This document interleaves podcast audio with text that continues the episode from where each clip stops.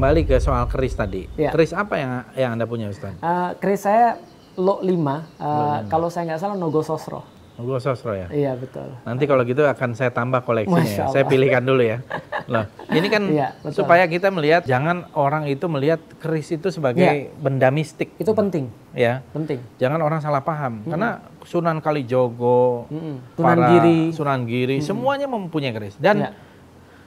Yang namanya Tuanku Imam Bonjol, yang namanya Pangeran Diponegoro, ini ciri khas kita. Jangan kemudian ini diambil oleh orang-orang yang tidak bertanggung jawab gitu Betul, dan betul. semakin dijauhkan gitu. Ini yang kesalahpahaman ini menurut saya harus kita Ya, kan. luruskan gitu loh. Tadi apalagi udah ada Al-Hadid ya. Iya betul. Surat Al-Hadid yang artinya juga saya, ketika saya baca saya juga terkaget-kaget gitu. Oh, dalam sekali nih. Bahkan di hampir boleh dibilang sejajarkan setelah diturunkan ini, Ya. diturunkan nabi, diturunkan Nabi, wali, Al-Quran. Al-Quran, Ah, para kemudian wali, besi. baru kemudian besi. Iya. Gitu loh. Ah, ah. Jadi levelnya di bawah itu. itu semuanya, betul. Kenapa tidak ada surah tentang emas atau surah tapi tentang besi gitu Iya. ya. Dan ini keris ini kan bahan bakunya adalah Besi, besi, meteorit. baja, meteorit, nikel dan sebagainya. Jadi dan kalau kita lihat indah ini, ini sebagian dari koleksi keris ini ada seluruh Nusantara ada. Dari Aceh, Teku Umar punya keris. Ya. Sekarang ada di Volken Kuda Museum.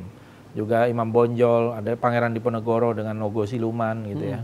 Jadi menurut saya ini jangan kemudian kita eh, diambil oleh pihak lain seolah-olah Ya. Bukan bagian daripada Muslim. heritage gitu Iya. muslim. Jadi ini penting menurut saya. Saya, saya sedikit jelasin dari segi sudut pandang yang berbeda. Karena Ya. kalau keris pasti banyak yang lebih ahli daripada daripada saya. Saya cuma penikmat penikmat dari segi eh, nanti saya jelasin kenapa saya bisa menikmati keris. Ada tiga ada tiga nilai untuk mel- untuk menilai sesuatu. Pertama adalah nilai kebenaran, dua nilai kebagusan atau kebaikan. Sorry, nilai kebaikan. Yang ketiga adalah nilai keindahan atau nilai kebagusan.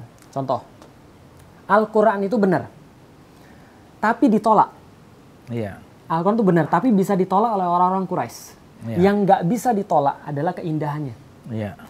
Benar itu bisa ditolak. ya, Betul. dianggap indah. Ah, yang dianggap lebih besar daripada syair dan segala. Kebenaran itu bisa ditolak, kebaikan itu bisa dinafikan, tapi keindahan itu tidak mungkin untuk bisa ditolak dan dinafikan. Betul. Contoh lagi misalnya, Rasulullah itu benar dan dia ditolak. Tapi kebaikannya, sorry kebaikannya bisa ditolak juga, bisa dinafikan. Pembohong, padahal dia paling paling paling eh, paling Jujur. jujur. Tapi keindahannya nggak bisa ditolak. Gantengnya itu nggak ada yang bisa untuk eh, undebatable, undisputed Iya, iya, gitu kan ya. Tentang dia tuh orang tuh ngelihat dia seneng itu undisputed. Iya, Tentang iya, dia tuh nyeneng ketika ketemu sama orang undisputed. Makanya orang-orang kafir Quraisy ngejek-ngejek Muhammad, tapi tetap nitipin duit ke Nabi Muhammad. Iya, iya, iya. Karena dia undispute soalan keindahan ini. Nah, kalau gitu kita coba lihat lagi. Al-Quran itu mengatakan, eh, di dalam Al-Quran cuma ada satu sumpah yang di-endorse. Yang lain nggak ada sumpah yang di-endorse. Ini agak sedikit jelimet, tapi saya coba untuk menyerahkan. Dalam surat Al-Waqi'ah, Allah katakan, eh, Fala uqsimu bimawaqi'in nujum. Dan kami bersumpah dengan eh, dengan tempat terbitnya bintang-bintang. Wa innahu laqasamu law ta'lamuna azim. Dan demi demi Allah ini adalah sumpah yang keren banget. Sumpahnya sendiri udah keren banget. Innahu Qur'a, innahu laqur'anun karim dan yang kami maksud dengan itu adalah Al-Qur'anul Karim. Oke, ini adalah ada tiga. Pertama, kami bersumpah dengan demi tempat terbitnya bintang-bintang. Kami kemudian mengatakan bahwa sumpah ini sudah keren banget dengan sendirinya tanpa apa pun. Lalu yang dimaksud dengan sumpah itu adalah Al-Qur'anul Karim. Coba lihat begini. Orang Arab bersumpah itu untuk mengendorse berita setelahnya. Contoh, demi subuh ada pasukan yang akan nyerang kalian. Maksudnya nyerang kalian ketika subuh. Demi malam hari akan ada gempa besar, di- eh, akan ada gempa besar yang meluluhlantakkan kalian. Berarti pertama adalah sumpahnya untuk ngambil perhatian, attention, untuk mengendorse sebuah hal yang besar. Tapi sumpahnya sendiri nggak ada artinya. Contoh, ada orang bilang, "Oi kumpul demi demi subuh." Terus dia bilang, ya sudah itu aja. Oh itu bisa dikeroyok mati orang. Karena ini beritanya apa mas? Gitu kan ya. Ini cuma sumpah doang, jangan kayak gitu dong. Nah, demi subuh beritanya, demi malam beritanya. Maka harusnya sumpah baru berita. Sumpah cuma untuk mengendorse. Ya, seperti di surat Al-Fajr itu kan. Betul, wal fajri. Oh, Innal insa uh, wal fajri, walayalin asri, wasyafi wal watri dan seterusnya, wal asri dan seterusnya. Nah, berarti sumpah itu tidak ada nilai, setelah itu baru ada nilai. Tapi kayak kita, kamu kamu berzina ya? Demi Allah, saya nggak berzina. Nilai pesannya di saya nggak berzina, tapi demi Allah itu untuk mengendorse. Endorsan nggak bernilai apa pun. Nilainya ada di sini. Oke, coba lihat. Fala uqsimu bimawaqi'in nujum. Saya bersumpah demi tempat terbitnya bintang-bintang. Berarti beritanya akan ada hubungannya dengan bintang dong. Iya, iya, iya. Tapi setelah itu Allah tidak bilang tentang Al-Quran. Allah bilang tentang ini sumpahnya udah keren banget loh. Artinya harus kalian lihat dulu secara sumpahnya sendiri sudah ada artinya. Yaitu adalah bintang-bintang. Bintang-bintang itu apa? Oh bintang-bintang itu bagi orang Arab berfungsi sebagai dua. Satu, sebagai hiasan langit. Mm-hmm. karena mereka nggak ada air terjun mereka nggak ada pohon-pohon yang bisa dipandangi yeah, karena yeah, gurun yeah. semua. Jadi malam-malam tuh mereka ngelihat uh, bintang dan bilang bikin puisi dengan bintang memuji wanita dengan bintang dan segala mereka jadi itu sebagai source of happiness entertainment dan segala macam. Pertama adalah hiburan bagi orang Arab. Yang kedua bintang berfungsi sebagai petunjuk ketika mereka ingin mencari jalan. Petunjuk arah ya. Petunjuk arah Berarti pertama hmm. berfungsi sebagai kebenaran, petunjuk arah, yang kedua sebagai keindahan. Maka Allah katakan, begitulah Al-Quran berfungsi bagi orang-orang. Hmm. Ada satu yang nggak bisa ditolak, Al-Quran itu indah. Ya. Ada yang bisa didebat, kebenaran Al-Quran itu bisa didebat. Walaupun orang tahu tentang keindahan Al-Quran, dia tetap bisa debat Al-Quran. Ya. Artinya adalah apa? Islam itu senantiasa bisa didebat dengan urusan kebenarannya. Tapi nggak akan bisa didebat kalau kita menunjukkan keindahannya. Keres sama. Iya, saya kira benar itu. Keres itu yang pertama kali sebelum orang mengetahui filosofinya, iya. orang kan orang kan apresiasi dengan keindahannya. Oh, iya. Orang nggak paham dengan dengan dengan dengan metode penempaan besi, tapi ini kayaknya susah. Iya. Karena motif-motif kayak gini nggak mungkin bisa dicapai dengan satu dua kali.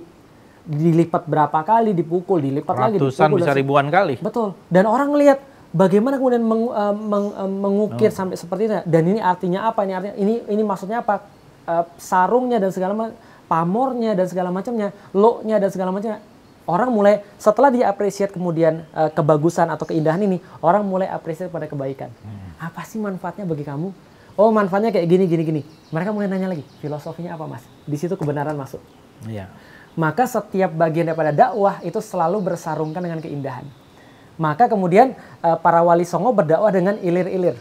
Ilir-ilir. Wali dengan kidung-kidung. Dengan kidung. Berdakwah dengan gundul-gundul pacul. Iya, betul. Se secara lagu itu nggak mungkin bisa lepas dari telinga manusia. Saya baru ngerti ternyata gundul-gundul pacul, sorry, ilir-ilir itu ilir, ilir. secara kemudian ritme musik itu, itu dari adalah, Sunan Kalijogo ya. Dan ritme musiknya ya. ritme musik Cina. Iya, iya, iya. Artinya artinya ini ada ada ada ada ada cara tertentu untuk menarik ke telinga manusia. Karena telinga manusia tertarik dengan ritme-ritme tertentu. Yeah, yeah, yeah. Dan Islam sudah mengkodifikasi musik itu menjadi beberapa formula. Mereka sebut dengan konun. Dalam bahasa Eropa akhirnya jadinya canon. Hmm. Nah, ritme-ritme mana yang men men menimbulkan rasa bahagia, rasa harapan, rasa putus asa, itu diteliti oleh para ulama. Yeah, yeah, yeah. Artinya ada yang bagus ini nggak mungkin bisa ditolak. Makanya kan dulu orang-orang Renaissance kan bilang, ketika para wartawan sudah berhenti untuk membicarakan kebenaran, ketika kemudian orang-orang ilmuwan sudah lepas daripada membicarakan tentang kebenaran, maka saatnya ilmu, saatnya seniman mengambil alih. Iya, iya, iya. Karena seniman tidak pernah gagal untuk bisa mengkomunikasikan kebenaran karena mereka punya keindahan. Keindahan. Ya itu gitu. yang saya kira dilakukan oleh empu empu juga ya. Betul. Bahkan salah seorang empu yang hebat di Jawa itu namanya Empu Supo. Itu dimakamkannya di dekat Sunan Kalijogo. Jadi kalau kita mau ziarah ke makam Sunan Kalijogo, ya. nah, kita pasti lewat nih sebelah kanan nih, Empu Supo dengan keluarganya gitu. Ya. Jadi memang pandai-pandai empu-empu yang hebat itu yang menciptakan, ya, ya membuat gitu ya. Mas, oh kenapa saya senyum? Hmm. Saya relate langsung, Mas pernah ke Masjid Sulaimani? Iya. Di sebelah Masjid Sulaimani itu ada makamnya Mimar Sinan. Iya betul ya. Uh, arsitek paling hebat di abad abad itu. Iya. Dan nggak sampai sekarang nggak punya tandingan. Itu betul. Mimar Sinan didekatkan dengan makamnya Sulaiman. Iya, betul. Karena waktu itu yang dipilih uh, dan dan Mimar Sinan adalah salah satu Sodra Azam, salah satu perdana menteri dalam tanda kutip pada zaman sekarang. Dan wazir itu ya, dipilih, ya atau bukan? Wazir. Sodra Azam itu adalah wazir yang paling tinggi. Paling tinggi. Nah, ya. jadi artinya itu adalah diambil daripada orang yang punya seni. Artinya hmm. Usmani zaman dulu itu harus menunjukkan kehebatan mereka memimpin dunia dengan membangun uh, dengan membangun karya-karya seni yang Betul un, apa ya unrivaled. Nah. nah itu penting dan saya jadi ingat Sulaiman Al Qanun itu dibilang begini sama Mimar Sinan. Hmm. Eh ini ada Ayah Sofia, ini ada lagi Ayah Sofia kecil. Jadi ada Sofia besar, ada Ayah Sofia, ada Ayah Sofia kecil. Di tengah-tengah ini pemukiman orang-orang Kristen. Hmm. Kamu buatin saya satu di situ satu masjid yang ketika orang Kristen masuk ke sana, mereka mau tidak mau akan mengakui keindahan Islam. Di situ dibuat akhirnya ada satu masjid namanya uh, Sokolo Mehmet Pasha Jami yang sampai sekarang itu kalau orang masuk itu berdecak kagum. Iya, iya, iya. Itu ngeri banget Memang artinya. luar biasa itu. Itu dakwah. Iya, dakwah. Dakwah. Saya kira memang betul harus ada menunjukkan apa karya-karya ya dalam bentuk material culture atau lagu atau kidung atau yang semacam itu atau solawat yang Yang nggak bisa didebat manusia. yang nggak bisa didebat gitu. Ya, saya, saya kira benar tuh. Kalau Al-Quran itu dari sisi bahasa sastranya, saya kira nggak ada yang bisa mengalahkan ya. Iya, kebenaran kebenaran tuh masih bisa didebat walaupun benar. Iya, benar. Tapi dari karya itu, itu yang membuat dulu orang Quraisy Iya. kemudian ya Geleng-geleng. diamlah ya mereka Iya. melihat itu. Gitu. Abu Jahal tuh tahu Al-Quran bagus. Iya, Justru karena dia tahu itulah dia tolak. iya, iya. Jadi kan ke- kejadian ketika yang sangat terkenal ketika mereka bertiga Abu Jahal, Al Akhras bin Syarik sama satu lagi adalah eh, apa namanya Abu Abu Abu Jahal, eh, Sa- Al Akhras bin Syarik satu Abu Sufyan. Abu nah, bertiga Sufyan. ini kan eh, temenan nih trio kuek-kuek.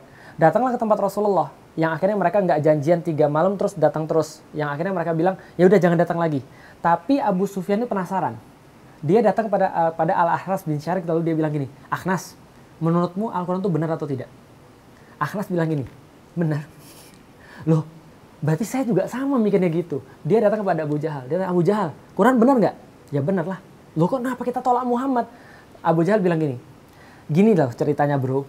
Kita itu selama-lama ini kan senantiasa bertarung sama Muhammad dan kabilahnya, Bani Hashim itu. Bani kadang kita menang, kadang dia menang. Nah, kalau seandainya kita kalah dalam kuda, besok kita bisa latih kuda lebih bagus. Kalau kita kalah lawan sya- dalam syair, kita bisa latih orang yang bersyair lebih bagus. Tapi kalau kita akui Al-Quran, kita nggak akan menang selama-lamanya. Dia tahu Oh, itu nih ya ceritanya ya? Iya, Ini kita nggak akan menang selama-lamanya. Ya. Karena dia tahu kualitas Al-Quran. Kita nggak bisa ngelawan ini, bro. Jadi yang paling bisa apa? Ya udah neglect aja. Iya, neglect iya. kebenarannya, tapi kita nggak bisa menyayangi keindahannya. Iya, nah, iya. bisa nggak sih kita tuh berdakwah dengan cara kayak gini? Sehingga gini, saya, saya sempat bilang pada seluruh orang-orang yang desainer, lalu kemudian orang-orang yang bergerak di dunia kreatif, gitu kan ya. Saya bilang, kalau seandainya agama Allah di saat ini tidak bisa orang pahami, gara-gara orang tuh nggak nggak menarik ketika melihat dakwah Islam, antum yang paling dosa loh saya bilang. Ya, ya. Jangan salah, bukan saya yang dosa, antum yang lebih dosa. Kenapa? Karena Allah sudah titipin untuk mengindahkan sesuatu itu pada kalian, sedangkan kalian nggak bisa buat itu. Jadi Islam itu cinta keindahan, Sangat. pasti ya. Dan saya lihat di zamannya Utsmani itu bangunan-bangunan bahkan ya kuburan bukan untuk disembah Ya, ya, tapi kuburan itu dihias. dihias. Ya sehingga orang itu mungkin ya saya membayangkan ya. Saya punya pandangan begitu. Apa yang terjadi dengan kuburan Baki sekarang itu saya termasuk yang kecewa sekali gitu. Mm-mm. Kalau ngelihat foto-foto di zaman dulu Ya, ada berbagai makam macam. Usman, Fatimah dibuat baik gitu ya. Orang datang ke situ kan kita bukan mau menyembah. Ya. Ya, untung kuburan Nabi ini tidak dihancurkan juga gitu. Saya memberikan sebuah insight yang lebih fair ya saya pikir ya. Jadi gini, ada orang Arab pernah bertanya pada saya, Habaib, eh, bagaimana menurut antum tentang simbolisme-simbolisme Islam di Indonesia? Iya. Saya bilang gini, "Eh, Habib, Indonesia tuh lebih dekat kepada Utsmani dalam hal simbolisasi. Iya. Arab tuh nggak perlu simbol. Iya. Kenapa? Sekali mereka ngangkat tangan berdoa, orang pasti amin. Orang ketika ngeliat orang Arab, aneh kalau dia nggak Islam. Tapi kalau orang-orang lain yang selain Arab, mereka harus cari simbol sehingga menandakan bahwa mereka itu orang Muslim. Contoh, ketika orang-orang Turki ketika menyebutkan Sallallahu Alaihi Wasallam, mereka memegang eh, jantungnya mereka, Iya. hatinya mereka. Supaya kenapa? Untuk memuliakan Rasulullah. Mereka menaruh kemudian hiasan-hiasan ornamen di masjid mereka untuk menandakan bahwa mereka itu Islam. Andaikan kemudian kita berandai-andai ya, andaikan Islam tuh hilang di Arab. Hilang di Arab selama beratus-ratus tahun seperti Ka'bah dulu untuk menyembah Allah, tiba-tiba kemudian dijadikan sebagai tempat berhala. Ratusan tahun dan orang datang situ. Orang bisa nggak untuk mencirikan bahwa ini negeri apa? Belum tahu karena nggak ada sama sekali ornamen-ornamen Islam di situ. Iya. Karena mereka bil- bilang bahwa ini nggak perlu. Betul nggak perlu karena mereka sudah simbolis secara Islami orang-orang Arab. Tapi negeri-negeri yang lain perlu. Hmm. Karena itulah Betul, secara bro. fair kita katakan bahwa ya tidak ada salahnya. Kenapa? Karena pada zaman itu mereka merasa perlu untuk menunjukkan kekuasaan mereka atau kehebatan mereka dengan ornamen-ornamen itu. Hmm. Maka orang bilang Al-Quran itu diturunkan di Jazirah, dibacakan di Mesir, dan ditulisnya di Istanbul. Iya, iya. Nah, Nah, tapi ini ada pertanyaan gini. Heeh. Misalnya Ka'bah ya. Ya, Ka'bah ini kan batu. ya, Kenapa Nabi dulu menghancurkan patung-patung yang disembah? Apa namanya tuh Uza, Lata, Lata, Uzza, Manat, dan Mana seterusnya. dan, dan seterusnya. Tetapi Ka'bahnya tidak dihancurkan, Ya, mm-mm. ya kan? Nah, menarik. Ini kan batu. Betul. Nah, ibaratnya orang bikin batu beton gitu di Iya, mana? betul. Dari dari zaman Ibrahim ya. Eh, nah itu nanti Nah, kita bahas. Itu kenapa itu? Eh, pembangunan Ka'bah itu diperselisihkan oleh para ilmuwan Islam, oleh para ulama. Ada yang mengatakan bahwa ini dibuat oleh Adam, ada yang di- ada yang berkata ini ada sebelum Adam, ada semenjak zamannya para malaikat. Jadi eh, dalam satu hadis diceritakan bahwa malaikat itu juga punya Ka'bah untuk mereka bertawaf kepada Allah, Eh, sehingga dibuatlah sesuatu yang menyamai eh, Ka'bah seperti yang ada di langit itu dengan di bumi. Maka malaikat membuat itu dan lalu kemudian eh, Adam lah yang pertama kali untuk bertawaf di situ diceritakan eh, untuk kemudian beribadah di situ. Nah maka Ka'bah ini bentuknya memang sudah ada dari dulu ya memang seperti itu dan dibuat oleh para malaikat untuk dijadikan sebagai simbolisasi kiblat, simbolisasi direction arah. Karena kalau dibiarkan manusia itu beribadah ke arah mana sesuai dengan keinginan mereka maka akan terjadi chaos. Iya. Sedangkan agama untuk untuk Order. menghindari chaos, order, betul. Nah, maka ketika di zaman-zaman dulu ketika zamannya Nabi Nuh itu kemudian eh, terkubur karena banjir. Maka Nabi Ibrahim itu dikatakan di dalam Al-Qur'an meninggikan dasar-dasar Ka'bah. Oh. Nah, jadi dia ngangkatin lagi Ini dasar-dasar secara Ka'bah. arkeologis memang begitu ya. Betul, eh, diangkat lagi dasar-dasar Ka'bahnya. Dulunya bentuknya kan kayak persegi panjang, kayak gini lah kira-kira. Nah, maka kemudian sekarang ada dibuat agak kota dan di sininya ada Hijr, Hijr Ismail, Ismail. itu dulu bagian Ka'bah. Sampai Oke. sekarang bagian Ka'bah. Ya, Jadi kalau betul. kita sudah masuk di situ, mau sholat arah mana aja boleh. Karena sudah masuk bagian dalam Ka'bah sebenarnya. Iya, iya, nah, ketika terjadi beberapa kali kerusakan, maka dibangunlah kemudian kembali oleh eh, oleh orang-orang Quraisy karena mereka diberikan eh, amanah untuk menjaga Ka'bah itu. Nah, jadi kenapa itu tidak dihancurkan? Karena bukan bagian daripada berhala. Kasusnya adalah eh, ketika orang-orang Quraisy, eh, orang-orang Arab di situ, pertama kali mereka melakukan dagang ke Persia, melakukan dagang ke Romawi dan mereka baru melihat oh ternyata ada penyembahan model kayak gini ya, patung. Nah, itu diperkenalkan. Nah, ketika diperkenalkan jadi rame gitu kan ya. Setiap kabilah punya patungnya sendiri. Nah, itu yang dihancurkan, bukan Ka'bahnya. Karena Ka'bah dari dulu memang menjadi tempat untuk eh, orang-orang untuk beribadah di situ. Iya, iya. Nah, jadi itu alasannya kenapa nggak dihancurkan. Nah, ini kan artinya materialnya kan batu. Mm-mm. Dan kemudian ada lagi yang di pojok Betul. yang namanya Hajar Hajar, Aswad. Aswad. Dan orang apa, Berlomba. berlomba untuk situ. Saya juga termasuk sih. Hmm, dapat nggak, Mas? Nah, alhamdulillah berkali-kali dulu. Masya Allah. Ah. Kalau sekarang tidak memaksakan diri. Iya, betul. Nah, Tapi maksud saya itu simbol apa itu? Iya. Nah ini kan kita bicara tentang simbolisme. Mm, mm. Bagaimana Islam itu agama yang penuh dengan simbol. Simbol, betul. Gitu. Eh, sama dengan tradisi budaya dan sebagainya. Ya, Sehingga selalu Islam kan tidak simbol. pernah menghancurkan tradisi gitu. Betul, sangat Ya. betul sekali. Islam Islam tuh tidak pernah untuk menghapuskan tradisi. Tapi Islam tuh memperbolehkan tradisi yang kaya selama Iya. dia tidak bertentangan dengan nilai-nilai yang kemudian diprinsipkan oleh Islam. Nah, Hajar Aswad ini kalau dari hadisnya kan sudah sangat rame ya diketahui oleh manusia bahwa itu adalah batu yang berasal dari langit yang awalnya putih. Tapi seiring dengan dosa manusia maka dia lantas menjadi hitam. Rasul memasang di sana untuk kemudian menjadikan itu sebagai simbol uh, bahwasanya ya inilah kemudian uh, ma- keadaan zaman sekarang manusia dan Rasul mencium itu sebagai bentuk daripada ya perintah Allah kan tidak ada satupun perbuatan Nabi kecuali adalah wahyu. Nah yang menarik adalah Umar bin Khattab itu ketika Iya. mencium uh, Hajar Aswad berkata kalau bukan karena Rasul aku nggak mau. Nggak mau. Iya, Jadi iya, sebenarnya iya, bukan bukan pada materinya, Iya, tapi betul. pada spirit yang ada Ah, di dalamnya. spiritnya. Ketika saya pergi ke Mekah, ya karena memang sudah nggak niat ya. Ketika saya lihat Hajar Aswad, orang-orang rame-rame ke sana. Saya diajak teman saya, "E, Ustadz kita ke sana. Saya bilang saya nggak mau, karena saya nggak niat dari awal. Kenapa nggak niat dari awal? Bukannya Rasul juga nyium? Iya Rasul nyium. Sekarang kita punya cara yang lain mengisyaratkan. Ustadz nggak mau. Kalau ada kesempatan saya mau. Tapi kalau gini caranya nggak. Karena saya nggak yakin saya nggak menyakiti orang untuk masuk ke situ. Menyakiti orang hukumnya haram. Saya nyari yang sunnah, saya berbuat yang haram, saya nggak mau. Tapi ada yang lain, mereka tetap mau melakukan, boleh nggak? Boleh, nggak ada masalah. Kalau mereka yakin. Ada ustadz saya lebih ngeri lagi. Dia dia yakin pokoknya dia bisa dengan jalan orang bisa sendiri dan itu kejadian. Bagi dia, ya it's okay bagi saya. Pengalaman saya itu berapa berkali-kali kalau saya punya niat Bisa. dan saya nggak pernah memaksakan diri. Saya berdiri saja di depan Nyampe. multazam dan saya berniat. Nah. Nyampe itu. Dan itu saya lakukan dengan multazam. Iya. Kalau multazam saya memang udah niat, saya niat banget, saya berdiri aja nyampe, betul. Nah. Tapi Tapi, kalau maksudnya Hajar ke Aswad- batu itu, Ah-ah. ke Hajar Aswad, Ah-ah. ya dari sebelah kanan itu. Iya. Saya niatkan gitu. Ya karena dorongan manusia Iya, tiba-tiba mau sampai aja. mau.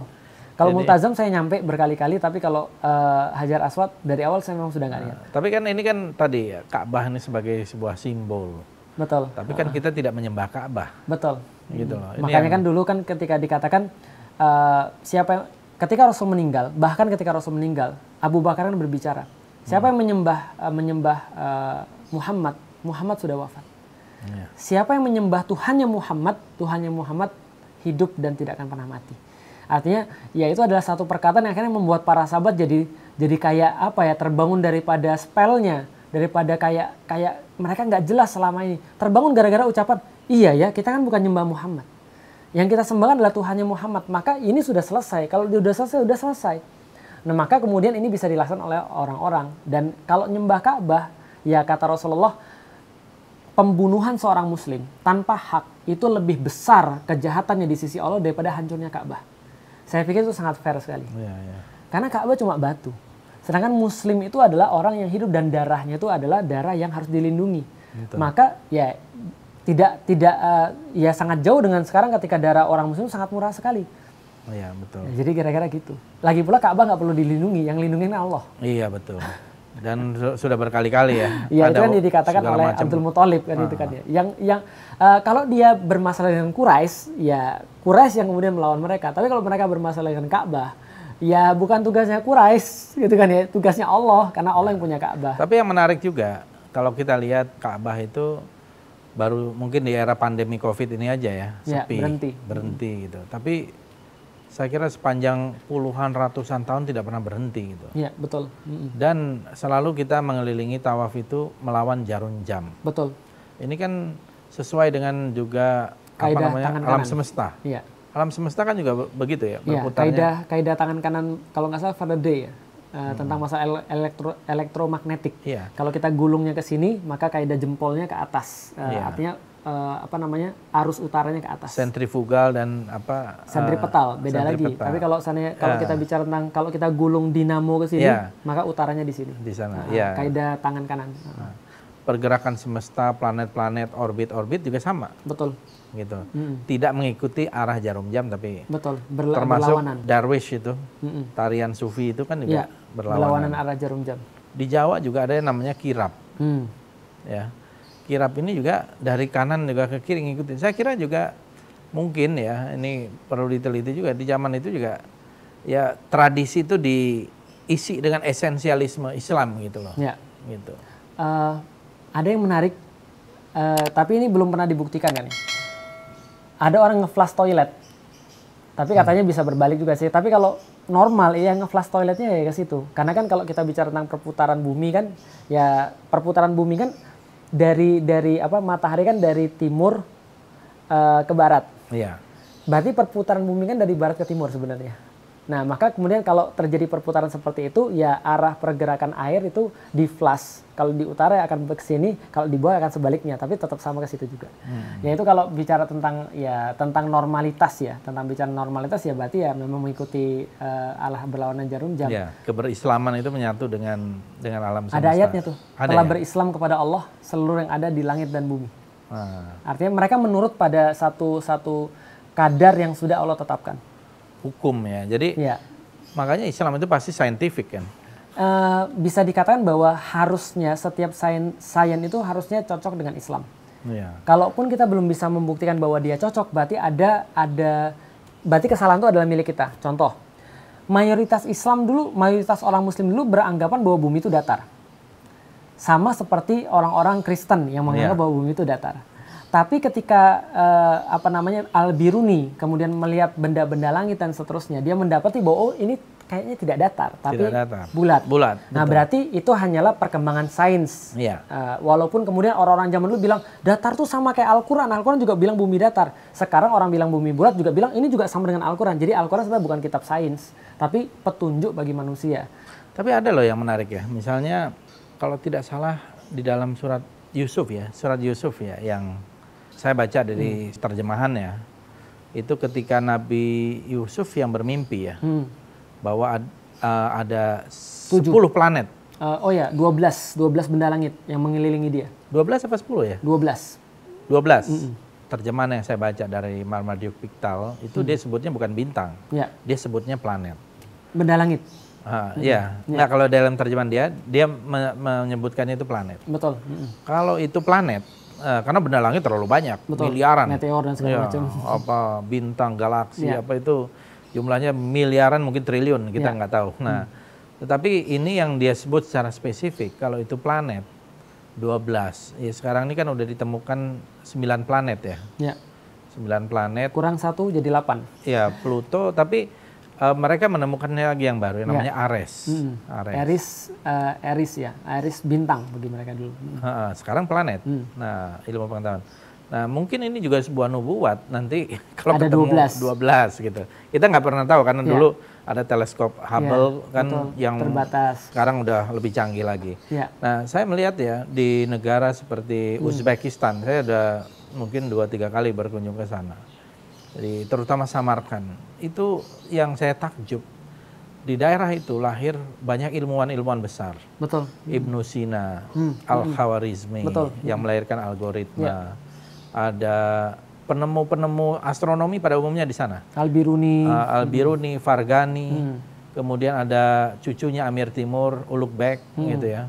Itu dari sana. Jadi Islam itu sangat dekat dengan pengetahuan, apalagi dalam sejarahnya ketika Eropa itu mengalami the dark middle age, Dark Age. dark age, Hmm. kita mengalami justru puncak kejayaan di dalam ilmu Betul. pengetahuan. Hmm. Nah, kenapa kok kesannya sekarang ini kita agak tertinggal dari barat? Nah, jadi gini. Pertama-tama kita kita jelasin yang tadi dulu kita luruskan dulu bahwa eh, kalau ada sains yang kemudian nggak sesuai dengan Islam, itu karena kita salah menempatkan bahwa Al-Qur'an itu di mana. Kayak gini misalnya. Dulu orang dulu orang percaya bahwa bumi itu datar dan mereka bilang ini ada dasar di dalam eh, Al-Qur'an. Padahal tidak bisa begitu sih sebenarnya. Atau orang bilang sekarang bumi bulat ada dasar di dalam Islam nggak gitu sih. Mau bumi bulat mau bumi datar, tetap Al-Qur'an itu benar. Dan kalaupun misalnya nggak sesuai menurut kita dengan satu sains, berarti kita mungkin yang belum bisa menemukan Belum yang bersama. hakikinya. Nggak sama sebentar. Kalau najem itu artinya apa? Najem bintang, Al-Buruj, Buruj juga bintang. Tapi kumpulan bintang-bintang kan? Nah, Buruj itu le- Galaksi. lebih bisa dikatakan bintang yang menonjol atau bintang yang bersinar. Karena Buruj itu artinya kan muncul. Nah, Tapi kan bisa ada yang menginterpretasi sebagai sebuah galaksi. Galaksi. Karena karena dia itu banyak sebetulnya. Tapi, Gugusan bintang. Ah, gugusan bintang. Betul, ya. uh, uh, Al-Buruj. Nah, berarti kalau kita bicara tentang Islam secara sains dan kita tahu bahwa Islam itu sangat sangat promote masalah sains. Nah, inilah kemudian efek secara langsung ketika Islam itu diemban sebagai sebuah entitas negara. Kita harus tahu dulu entitas negara seperti apa yang melahirkan kondisi uh, keemasan di dalam Islam ini. Contoh misalnya, bagaimana kiranya kalau sana ada ada goodwill daripada governance yang kemudian mengatakan bahwa kalau seandainya kamu menulis satu kitab, yang kitab ini menurut saya bagus, ini akan saya timbang dengan uh, dengan sesuatu dan akan saya uh, setarakan dengan emas. Orang seneng dong, uh, dan itu dilakukan oleh Muhammad Al-Fatih. Misalnya, Muhammad Al-Fatih ngumpulin orang-orang, bacain puisi, kalau puisinya bagus dikasih uang. Dan itu itu itu Disawer rutin, lah ya. disawer. Dan dia tidak hanya nyawer secara pribadi, dia membuatkan institusi. Maka dulu di Abbasiyah ada Baitul Hikmah, ada Hmm. sebuah tempat yang dijadikan sebagai tempat penelitian. Di situ Hmm. disediakan meja-meja bagi orang-orang yang mau meneliti dan buku-buku eh, literatur-literatur yang sangat banyak sekali. Selain itu juga mereka menyediakan bahkan eh, makan dan minum bagi orang-orang yang pengen tinggal di sana untuk menghasilkan satu karya.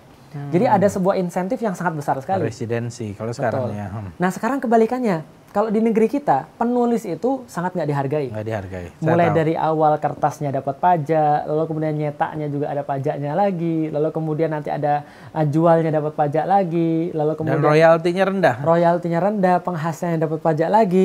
Akhirnya orang jadi malas jadi penulis. Lebih enak jadi youtuber, mohon maaf, atau lebih enak jadi selebgram, mohon maaf. Iya, iya. Cukup dengan makan uh, mangga Endorser ya. muda atau makan sabun atau buka baju mesum dikit dia dapat duit. Iya, nah ini kemalasan-kemalasan yang dipelihara. Yang kemudian yang saya yang saya stres adalah ini di endorse oleh pemerintah. Artinya ketika di endorse ini ini menjadi sebuah aku pengen jadi besok kayak gitu.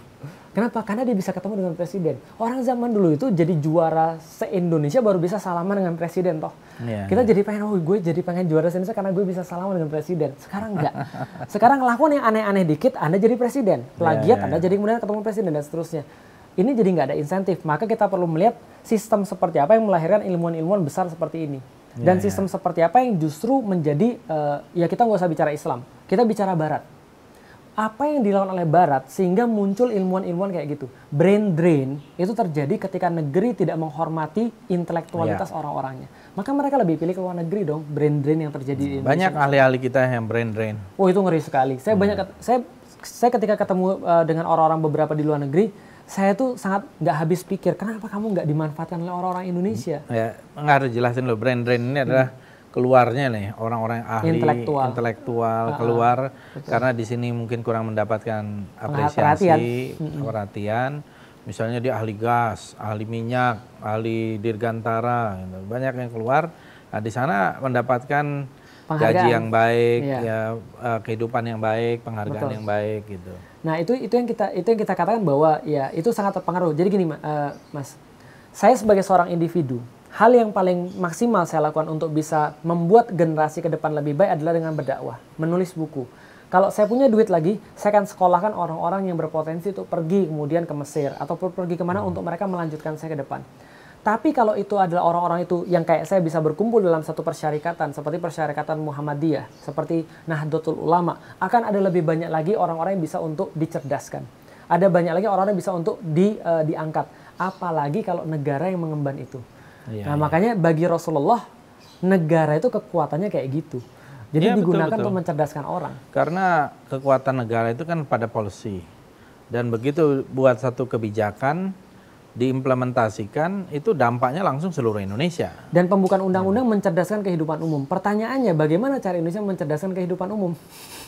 Iya. gitu kan ya. Kalau seandainya eh, angka partisipasi murni pendidikan itu terus stagnan, gitu kan ya. Itu kan itu kan bingung orang. Jadi permasalahan di Indonesia itu adalah tidak adanya policy yang bersifat ya paling gampang anggaran pendidikan yang paling gampang. Sebenarnya konstitusi sudah memerintahkan Hmm. anggaran pendidikannya 20%. Ya, Tapi pelaksanaannya tidak pernah sampai 20% karena ini Ya. sudah dibagi sedemikian rupa gitu. dan itu Uangnya pun nggak ada dan Hmm. Dan itu udah saya bahas dari tahun 2008.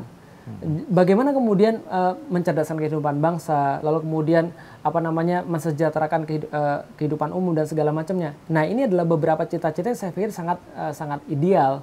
Tapi sayangnya akhirnya orang-orang untuk untuk lebih tertarik pada kehidupan sendirinya daripada kehidupan yang lain. Nah karena itulah saya pikir ini sangat bertentangan dengan Islam. Dalam Islam itu benar-benar seorang penguasa itu dan seorang pejabat itu dia akan dinilai daripada apa yang menjadi tugas dia. Contoh di zaman Umar itu pembuktiannya terbalik. Jadi bukan bukan orang suruh ngelapor kekayaan bukan. Dia disuruh ngelapor kekayaannya sebelum dia berkuasa dan setelah dia berkuasa atau set- pas lagi berkuasa kalau ada selisih yang tidak bisa dibuktikan sama dia itu nggak usah langsung dibuktikan langsung tarik. Iya, iya, iya. Contoh nih, gajinya setiap bulan 60 juta. Setahun dia bisa ngumpulin 500 miliar, tarik. Accountability-nya itu jelas. Betul. Gitu. Nah, walaupun uh, walaupun kita lihat ya, jelas ada ada jelas kalau bagian untuk masalah teknis ya kita bisa berdebat dengan teori yang dan jalan yang lebih baik dan itu juga bisa diterima di dalam Islam sih.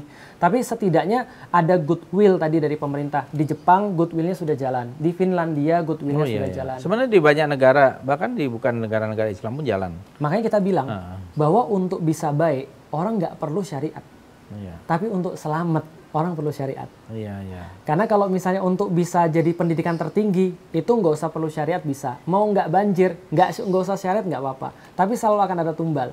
Tapi kalau kamu mau selamat dan mau baik, nggak ada jalan kecuali syariat. Iya, iya. Gitu, Apa yang Anda maksud dengan syariat itu, Ustaz? Syariat itu adalah apa pun yang Allah turunkan seperti besi tadi. Iya, iya. Makanya ketika Allah katakan bahwa besi itu diturunkan untuk apa? Mengendorse syariat Allah yang Allah turunkan berupa Artinya Al-Quran. ini dalam arti yang luas ya. Dalam arti yang luas, syariat itu adalah segala sesuatu ketentuan Allah yang berkaitan dengan amal seorang hamba. Jadi bagaimana cara dia untuk memperlakukan istri, itu ada syariatnya. Bagaimana cara dia untuk mengatur sumber daya alam, itu ada syariatnya.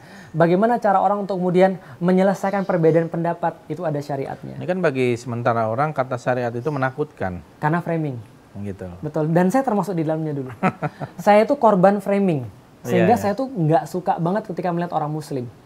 Saya melihat nama Ahmad itu nggak modern, melihat nama Abdul itu deso, gitu kan ya. Karena saya termasuk bagian daripada orang-orang yang kena framing, korban Iya. daripada framing. Tapi setelah saya lihat, oke, berarti ada sesuatu yang mau ditutupin daripada semua ini. Oh, iya. Makanya orang ketika melihat syariat itu jadi eh, antipati walaupun mereka nggak ngerti syariat, tapi kalau berbicara tentang masalah-masalah barat, mereka jadi senang walaupun itu sudah jelas sekali bahaya di depan mata. Oh, iya. Memang itu yang terjadi gitu. Mereka takut sekali dengan kebenaran. Iya. Ya, Apalagi kebenaran itu jauh lebih bagus dari anggapan mereka sehingga dibungkus sedemikian rupa dan diisolasi sedemikian rupa sehingga orang tidak pernah masuk atau menyentuh itu dan akhirnya ada yang disebut sebagai stereotype, Ya. stereotyping, Stereotyping, generalisasi. generalisasi dan juga eh, stigmatisasi yang akhirnya membuat ya seolah-olah itu ya seperti apa istilah-istilah apa tuh namanya walaupun saya nggak pernah menyebut itu kadrun gitu ya. Iya, uh-uh. Nah, seperti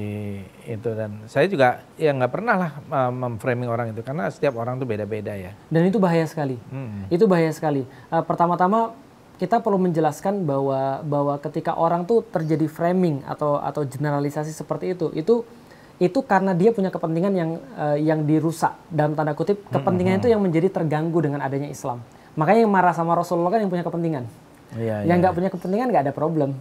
Dengan kata lain kalau misalnya ada orang ada orang punya kepentingan dan dia merasa kepentingan itu bisa diganggu setelah datangnya Islam, dia pasti protes. Nah itu itu, itu kita ber- perlu jadikan sebagai eh, apa ya semacam kayak eh, informasi kenapa mereka melakukan framing seperti itu karena mereka ada yang terganggu. Yang kedua bahayanya adalah dalam sila kedua kemanusiaan yang adil dan beradab beradab. Ada cara untuk orang itu bisa untuk tidak bersatu. Kenapa disusun dengan lima kayak gitu? Karena tidak mungkin lima tanpa empat, empat tanpa tiga, tiga tanpa dua, dua tanpa satu.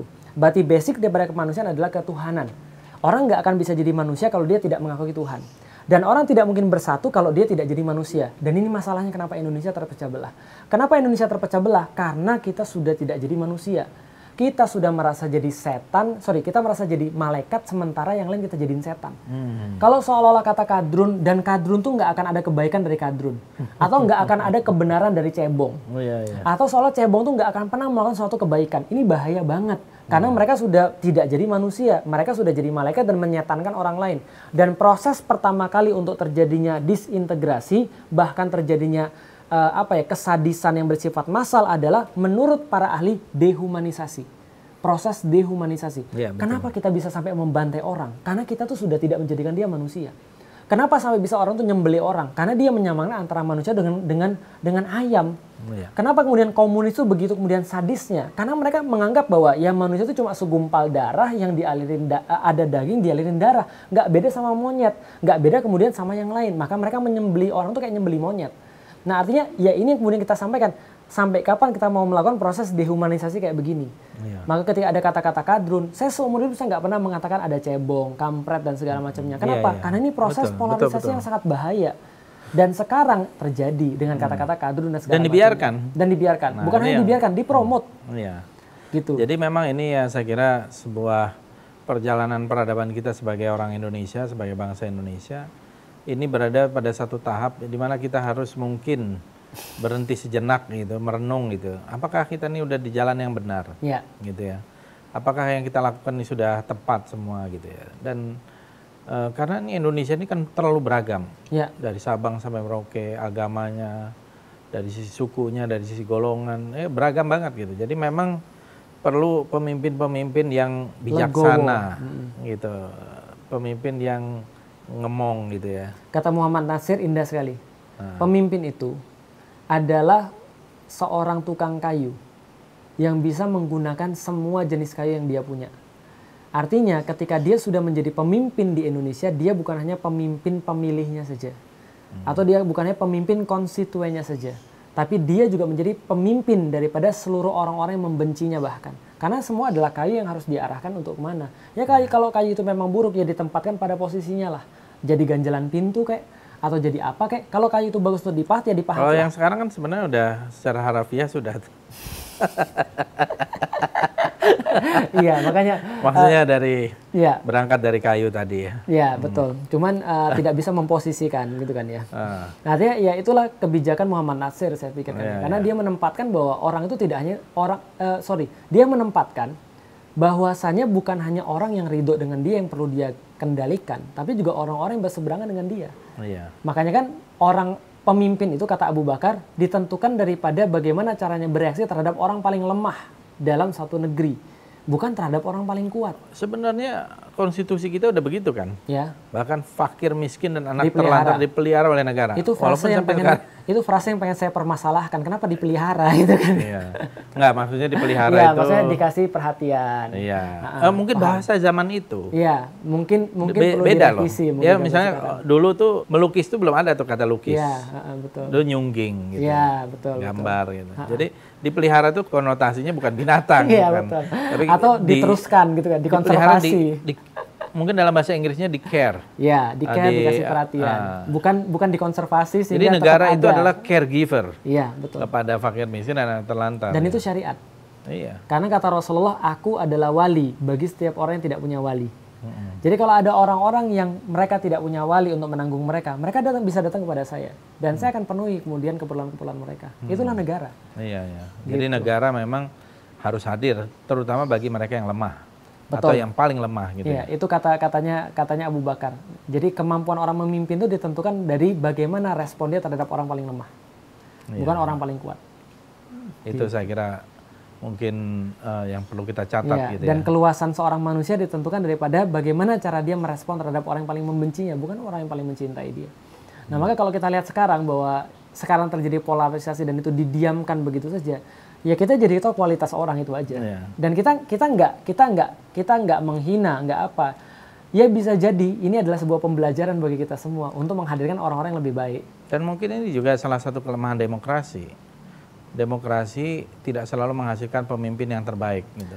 Eh, kalau saya, saya kalau saya bilang bukan kelemahan tapi cacat bawaan demokrasi itu sudah disampaikan oleh orang Yunani jauh sebelumnya dengan satu eh, Latin atau Yunani saya lupa Latin kalau nggak salah dengan satu peribahasa quis custodiet ipsus custodis who watch the watchers. Siapa yang mengawasi sang pengawas? Dan itu kelemahan demokrasi yang datang dari awal sebelum segala sesuatu yang lain gitu kan ya kalau seandainya polisi itu diawasi oleh badan kehormatan badan kehormatan diawasi oleh presiden presiden diawasi oleh MPR MPR diawasi oleh kemudian badan kehormatan badan kehormatan diawasi oleh mahkamah konstitusi mahkamah konstitusi diawasi oleh siapa Iya. Teorinya pada ujungnya harus kembali kepada rakyat sih, teorinya.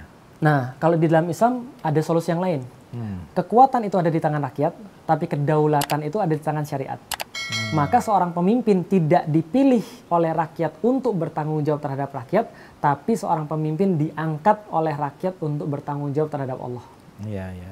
Itu secara spiritual itu gitu lebih ya. seru Oh, iya. Terima kasih Ustaz Felix. Siap. Ini tidak terasa kita sudah bincang-bincang cukup lama Insya dari mulai uh, Pribadi.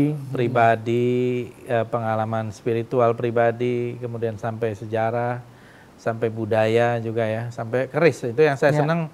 Ini kalau Ustadz ngomong keris saya senang gitu ya, Ya, karena uh, saya ketua umum perkerisan.